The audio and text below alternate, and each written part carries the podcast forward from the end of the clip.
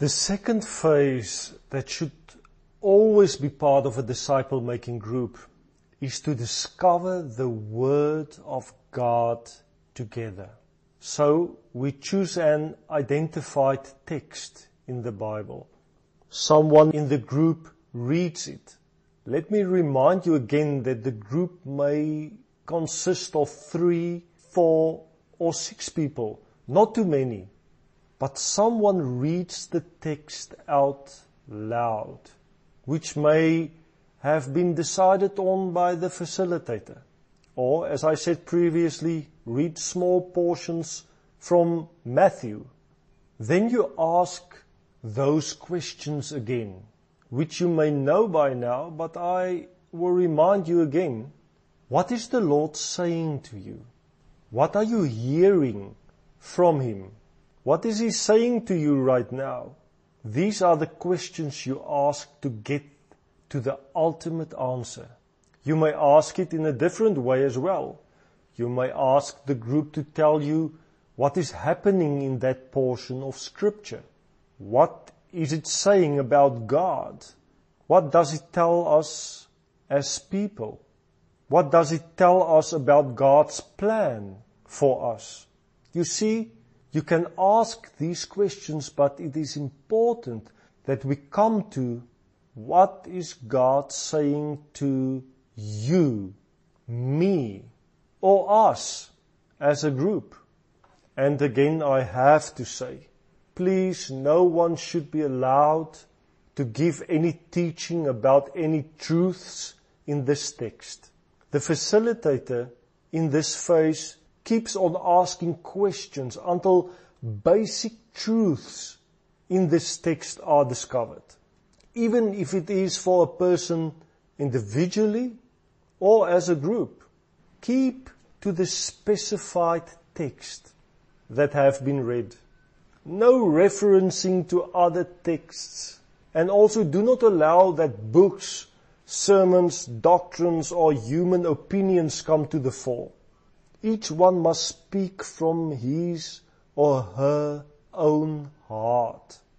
As soon as the group discover the truth in the text or heard for themselves individually, then help them to put into words what they have discovered. The third phase is very important and that is to answer in terms of what you heard Father said, individually or as a group, and how to obey within this relationship you have as a group.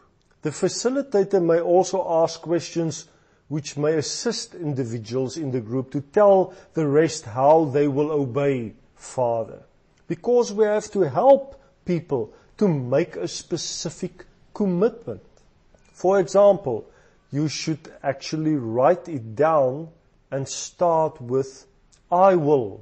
And it should be practical and not vague or abstract, like saying, I will love better and with more intention this week. That does not mean anything because it does not speak to the practicality of living out that love. Write down, I am going to do this, and so on.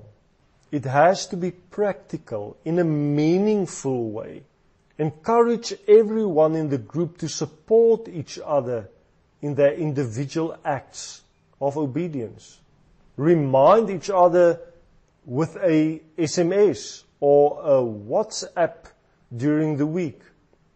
Guide the group to move away from general statements like I mentioned, to move rather to specifics like I will love God through doing this and this and this.